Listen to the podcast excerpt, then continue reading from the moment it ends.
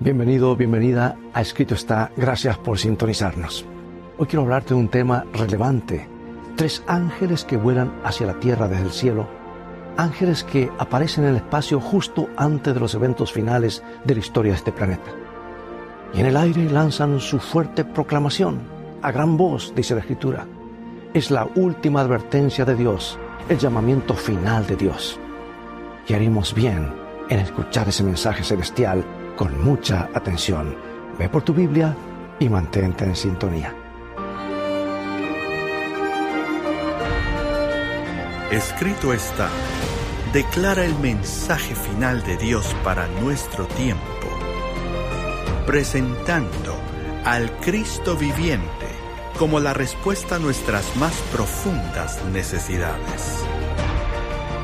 Escrito está con el pastor Robert Costa.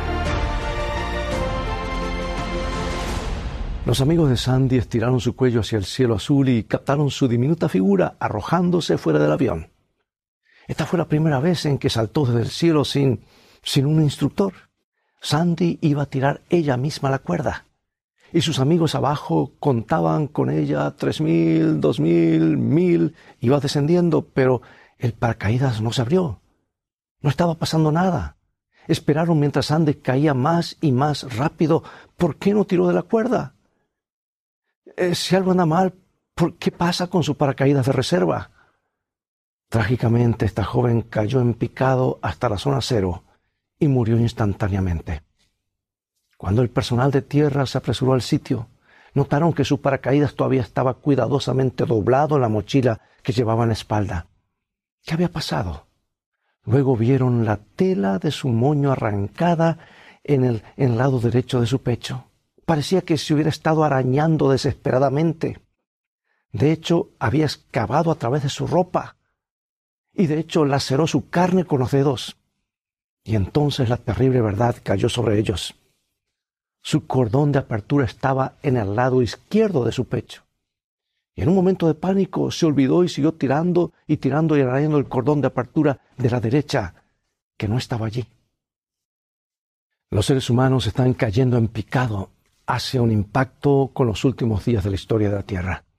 Y Dios quiere asegurarse de que abramos nuestro paracaídas, el Evangelio eterno. Tenemos el mensaje del primer ángel. Vemos como el Evangelio eterno es el fundamento sobre el cual se construyen todos los mensajes de los tres ángeles. Y para comprender realmente este Evangelio, es importante tener la perspectiva correcta, reconocer a un Creador, juez y Salvador, Salvador soberano, por encima de nosotros, mientras nos apresuramos y nos dirigimos hacia el tiempo del fin. Hoy vamos a examinar el mensaje del segundo ángel. Y vamos a ver cómo este mensaje se relaciona con tratar de agarrar una cuerda que no está allí, con agarrar algo equivocado. Ahora es importante que comprendas claramente cómo encajan los mensajes de los tres ángeles y forman una especie de señal divina a través de los peligros del tiempo del, tiempo del fin. Y me gustaría que tuvieras una imagen completa. Echemos un vistazo al capítulo 14 de Apocalipsis. El mensaje del segundo ángel dice, volando por el medio del cielo se da en el versículo 8. Escucha lo que escribió el apóstol inspirado por Dios. Otro ángel le siguió diciendo, ha caído, ha caído Babilonia, la gran ciudad, porque ha hecho beber a todas las naciones del vino del furor de su fornicación. Esto puede parecer una advertencia bastante extraña al principio. La caída de Babilonia no es precisamente noticia, Incluso era historia antigua cuando Juan escribió estas palabras. Pero por supuesto, Apocalipsis es un libro lleno de símbolos. Babilonia y la caída de Babilonia representan algo, algo de lo que debemos estar conscientes en los últimos tiempos. Afortunadamente, el mismo libro Apocalipsis sugiere qué es eso. Y en Apocalipsis 17 se representa a Babilonia como una mujer vestida de púrpura y escarlata, adornada con oros y perlas. Ella dice es la madre de las rameras y ella está ebria con la sangre de los santos. Entonces, ¿a quién representa esta mujer? ¿Quién es Babilonia? Bueno, aquí está la primera pista. En muchos lugares de la Biblia, cuando el pueblo de Dios cae en la apostasía, se le describe como esposas infieles mujeres promiscuas. Y Dios lo toma muy personalmente cuando nos volvemos a una religión falsa. Es que un ejemplo típico. En Jeremías, eh, un, eh, eh, un, señor con un corazón roto le dice a Jeremías lo que está en el capítulo 3, versículo 6. Me dijo Jehová en los días del rey Josías, ¿has visto lo que ha hecho la rebelde Israel? Ella se va sobre todo monte alto y debajo de todo árbol frondoso y allí fornica. ¿Qué hacía Israel en aquellas altas montañas y bajo aquellos árboles verdes? Adorando a otros dioses. Y a los ojos del Señor convertirse en una ramera es justamente hacer eso, adorar a otros dioses. Es infidelidad a Dios. Entonces ahora en Apocalipsis tenemos una mujer escarlata que es la madre de todas las rameras. Ella debe representar la fuente de la religión falsa, un poderoso conglomerado de religión apóstata, tanto cristiana como no cristiana. Veamos otra pista. El Apocalipsis está lleno de contrastes. La adoración del Cordero frente a la adoración de la bestia, la gloria de Dios frente al poder del dragón, la ciudad santa frente al lago de fuego. Y esta mujer escarlata se opone a una mujer muy diferente, una figura que encontramos en Apocalipsis 12, 1, y escucha este versículo. Apareció en el cielo una gran señal, una mujer vestida de sol, con la luna debajo de sus pies, y sobre su cabeza una corona de dos estrellas. Ahora, el resto de este capítulo deja bastante claro quién es esta mujer. Dice que ella da a luz a un niño varón que es Jesús, y ella pasa por un tiempo de persecución, esta mujer pura representa a la iglesia de Cristo. Vuelvo a repetir, no la Virgen María, sino a la iglesia de Cristo. En el Nuevo Testamento se hace referencia a la iglesia como la novia de Cristo, una mujer pura. Entonces aquí en Apocalipsis vemos a la verdadera iglesia de Dios representado como una mujer vestida de sol. Ahora, déjame hacer una pausa aquí y explicarte algo. Aquí está hablando de la iglesia como una mujer. Jesús nace de su pueblo, que era el pueblo de Israel, la iglesia en ese tiempo, hasta que Israel no dio fruto y fue cortado como iglesia. Y ahora Jesús levanta su iglesia con doce discípulos en lugar de doce tribus y nos dice vayan a todo el mundo. Así que Apocalipsis claramente nos muestra que esta mujer representa la iglesia, el pueblo de Dios. Ahora, la mujer escarlata llamada Babilonia es su número opuesto. Las dos figuras están en marcado contraste podemos concluir bastante fácilmente que la mujer escarlata debe representar una iglesia falsa, un sistema religioso. Y el libro de Apocalipsis es en parte una historia de dos mujeres, dos iglesias o sistemas religiosos. La verdadera iglesia de Dios y una iglesia apóstata. Esta es una imagen de los últimos tiempos que nos presenta el libro de Apocalipsis. Ahora volvamos al mensaje del segundo ángel. E intentaremos encajar esa advertencia en la imagen. ¿Qué dijo el ángel que volaba por el medio del cielo? Dice, ha caído Babilonia. Ella hizo beber a todas las naciones de su fornicación. Recuerda que la promiscuidad, la fornicación es un símbolo de apostasía, o sea, separarse de Dios. Así que esta mujer escarlata, esta falsa iglesia, difunde su falsa doctrina a todas las naciones.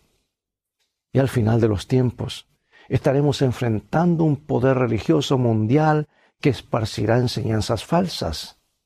¿Y qué vamos a hacer entonces? La respuesta lógica se explica en Apocalipsis 18. Escuchemos el mensaje del segundo ángel ampliado en los versículos 2 y 4. Apocalipsis capítulo 18. Y clamó con voz potente diciendo, ha caído, ha caído la gran Babilonia, y se ha hecho habitación de demonios, y guarida de todo espíritu inmundo, y albergue de toda ave inmunda y aborrecible porque todas las naciones han bebido del vino del furor de su fornicación, y los reyes de la tierra han fornicado con ella, y los mercaderes de la tierra se han enriquecido de la potencia de sus deleites. Y oí otra voz del cielo que decía, Salid de ella, pueblo mío, para que no seáis partícipes de sus pecados, ni recibáis parte de sus plagas. Si Babilonia ha caído, pues será mejor que salgamos rápido mientras corremos precipitadamente hacia un impacto con los últimos días, hacia el final de la civilización, No queremos quedar atrapados dentro de una religión falsa que se derrumba alrededor de nuestros oídos. No queremos enredarnos en su inmoralidad y falsa enseñanza, porque eso conducirá a la rebelión contra los mandamientos de Dios y los principios de salvación. Y aquí está la imagen básica. Tenemos ahora una mujer pura vestida de sol, la verdadera iglesia de Dios. Tenemos a Babilonia, la mujer escarlata, la madre de las rameras, y el sistema religioso apóstata. Y así, cuando Dios envió un ángel para darnos a advertencia urgente, ¿qué dice? Dice, Babilonia ha caído, sal de ella. La implicación es salir de un sistema religioso falso y entrar en la verdadera iglesia de Dios. Este es el mensaje del segundo ángel. Ahora bien, ¿cómo lo aplicamos? ¿Qué debemos hacer? Concentrémonos en dos cuestiones importantes. Número uno, ¿cuáles son las características de Babilonia? ¿Qué significa salir de Babilonia?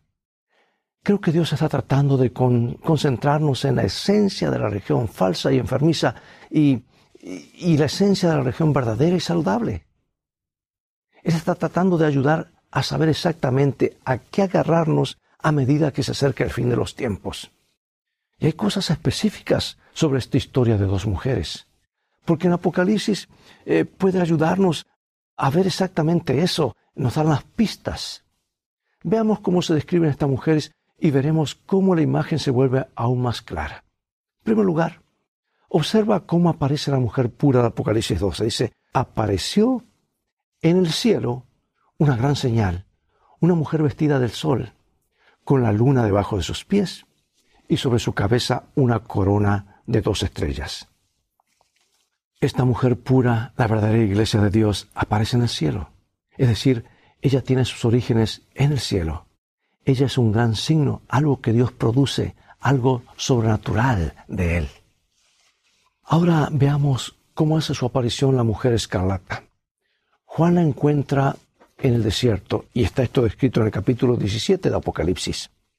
Ella sale del desierto, cabalgando sobre una bestia escarlata, la mujer escarlata, o sea, rojiza, la iglesia falsa, tiene su origen en la tierra y es propulsado hacia adelante o propulsada por la bestia, otra imagen de otro poder. Y bestia no se usa en términos despectivos, sino en representación de animales que representaban poderes, países. Y Apocalipsis 17 también nos dice que esta bestia recibe poder y autoridad de los reyes de la tierra. En otras palabras, ejerce un gran poder político. El falso sistema religioso avanza sobre la base del poder político coercitivo. Así que aquí están los primeros elementos de la imagen. La verdadera iglesia de Dios desciende del cielo. El falso sistema religioso surge de la tierra. De lo que estamos hablando aquí es del origen divino frente al origen humano. Dos sistemas diferentes de religión. Uno creado por el hombre y el otro que nos ha sido dado directamente por Dios desde el cielo. Y las dos mujeres sugieren dos tipos de poder muy diferentes. La mujer pura es una gran señal de Dios. Ejerce poder espiritual, el poder de mover corazones y mover las mentes. Ahora veamos otros contrastes entre las dos. La mujer pura está vestida de sol. Y a lo largo del Nuevo Testamento escuchamos acerca de la luz del Evangelio, la luz de la verdad de Dios, Jesús la luz del mundo.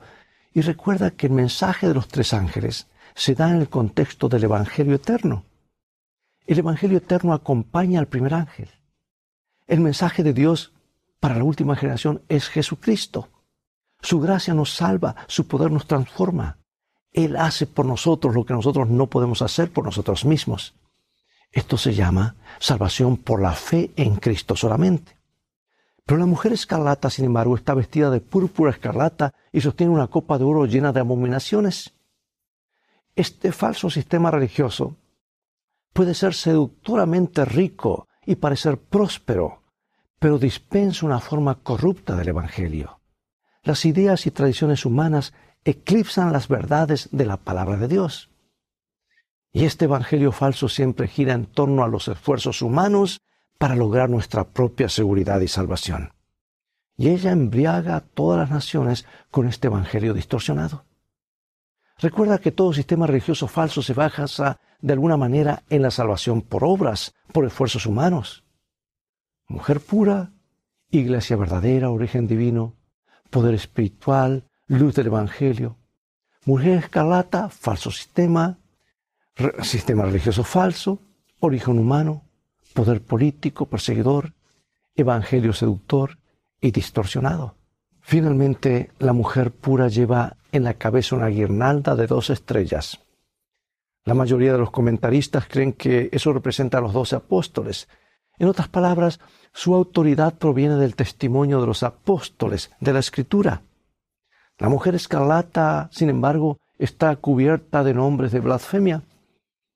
A la blasfemia se, le da esta definición teológica en el diccionario American Heritage, y te lo voy a leer, dice aquí. El acto de reclamar para uno mismo los atributos y derechos de Dios. Dice nombres de blasfemia. Son los títulos de este sistema apóstata que reclama para sí mismo y que en realidad solo pertenecen a Dios. Así que tenemos el último contraste entre estas dos iglesias. La verdadera iglesia de Dios toma su autoridad de la palabra de Dios. El falso sistema trata de hacer suya la autoridad de Dios. Mujer pura, iglesia verdadera, origen divino. Número dos, poder espiritual. Número tres, la luz del Evangelio. Y tiene autoridad basada en la palabra de Dios. Por otro lado, la mujer escarlata, sistema falso. De origen humano, poder político perseguidor, evangelio seductor y distorsionado, y usurpa la autoridad de Dios. Puedo sugerir que estos contrastes entre las dos mujeres entre Babilonia, la iglesia falsa y la iglesia verdadera de Cristo realmente se reducen a una sola cosa? Eso se ilustra claramente cuando pensamos en los orígenes de la antigua Babilonia. ¿Te suena conocido el nombre Torre de Babel? Ahí es donde comenzó Babilonia. ¿Recuerdas la historia? Los sobrevivientes del diluvio querían construir una torre lo suficientemente alta como para desafiar la soberanía de Dios dijeron, hagamos un nombre. Y en lugar de confiar en la promesa de Dios de no enviar otro diluvio mundial, decidieron confiar en el trabajo de sus propias manos, construirían su propio sistema de seguridad religiosa. Y sabes, ese mismo espíritu de Babel persistió hasta el gran monarca de Babilonia, Nabucodonosor. Él es el que se jactaba diciendo lo que aparece en Daniel capítulo 4 versículo 30.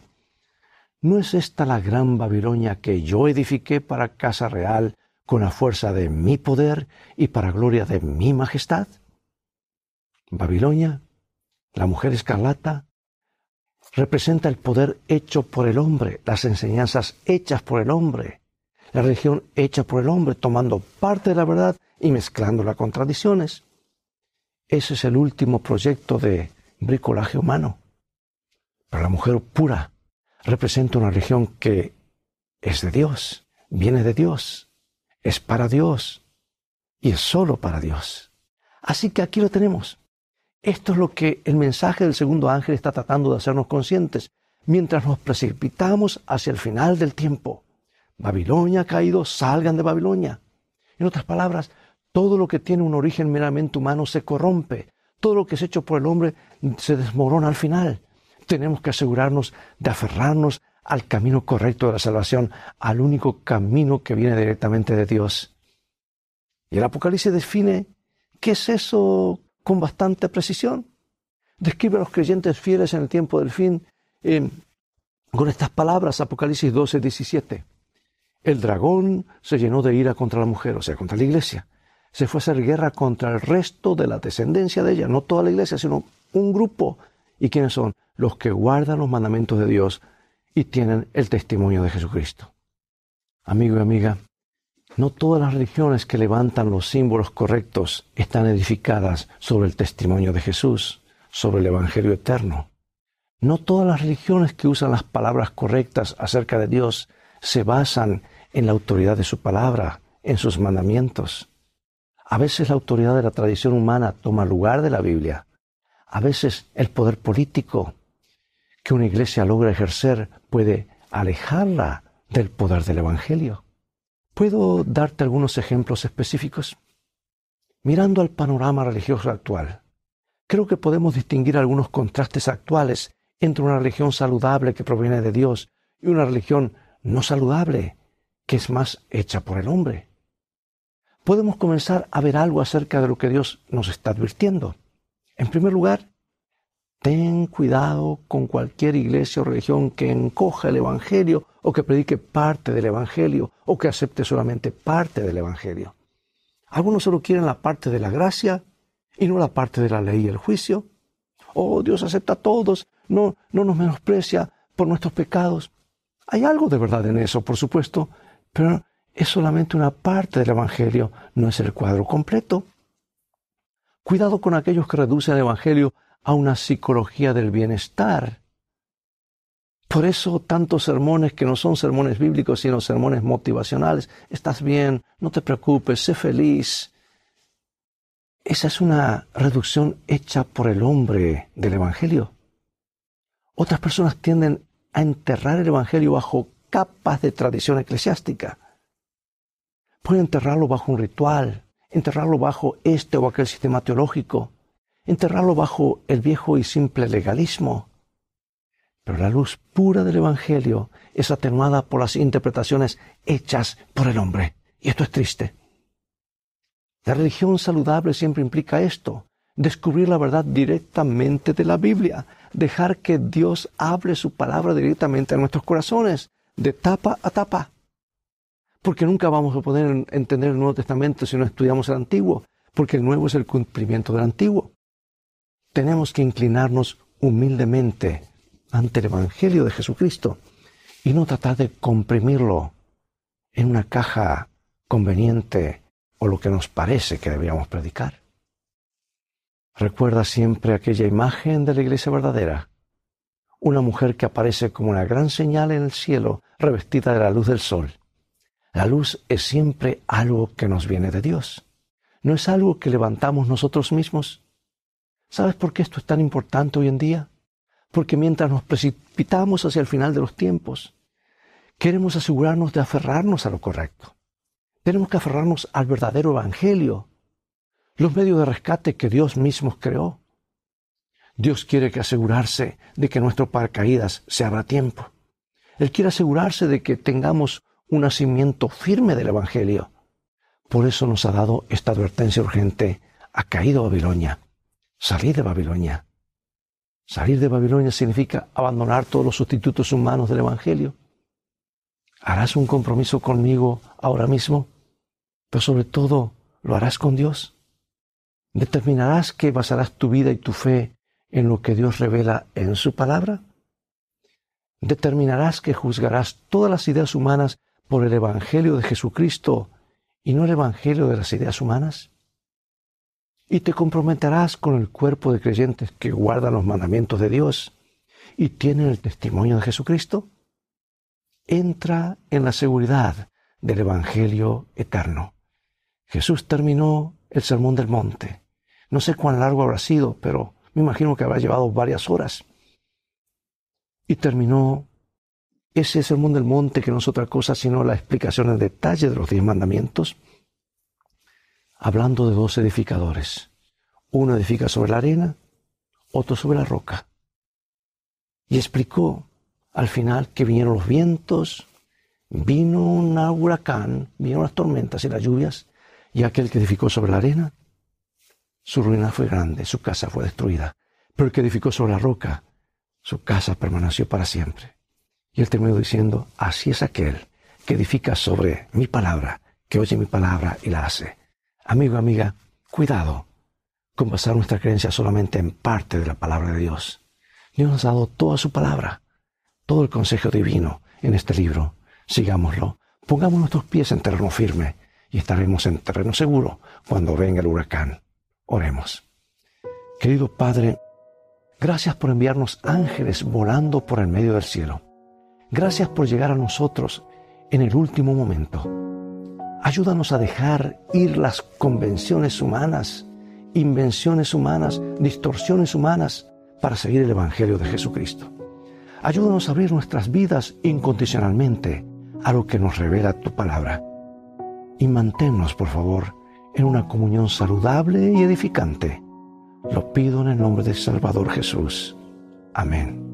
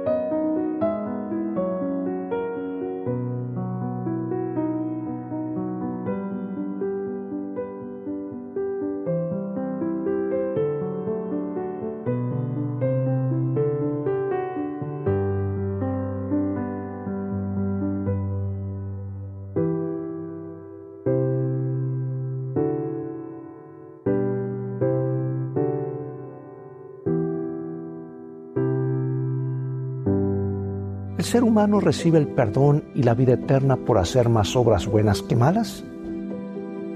Todos somos pecadores. Todos estamos bajo la sentencia de muerte. O sea que no puedes salvarte a ti mismo.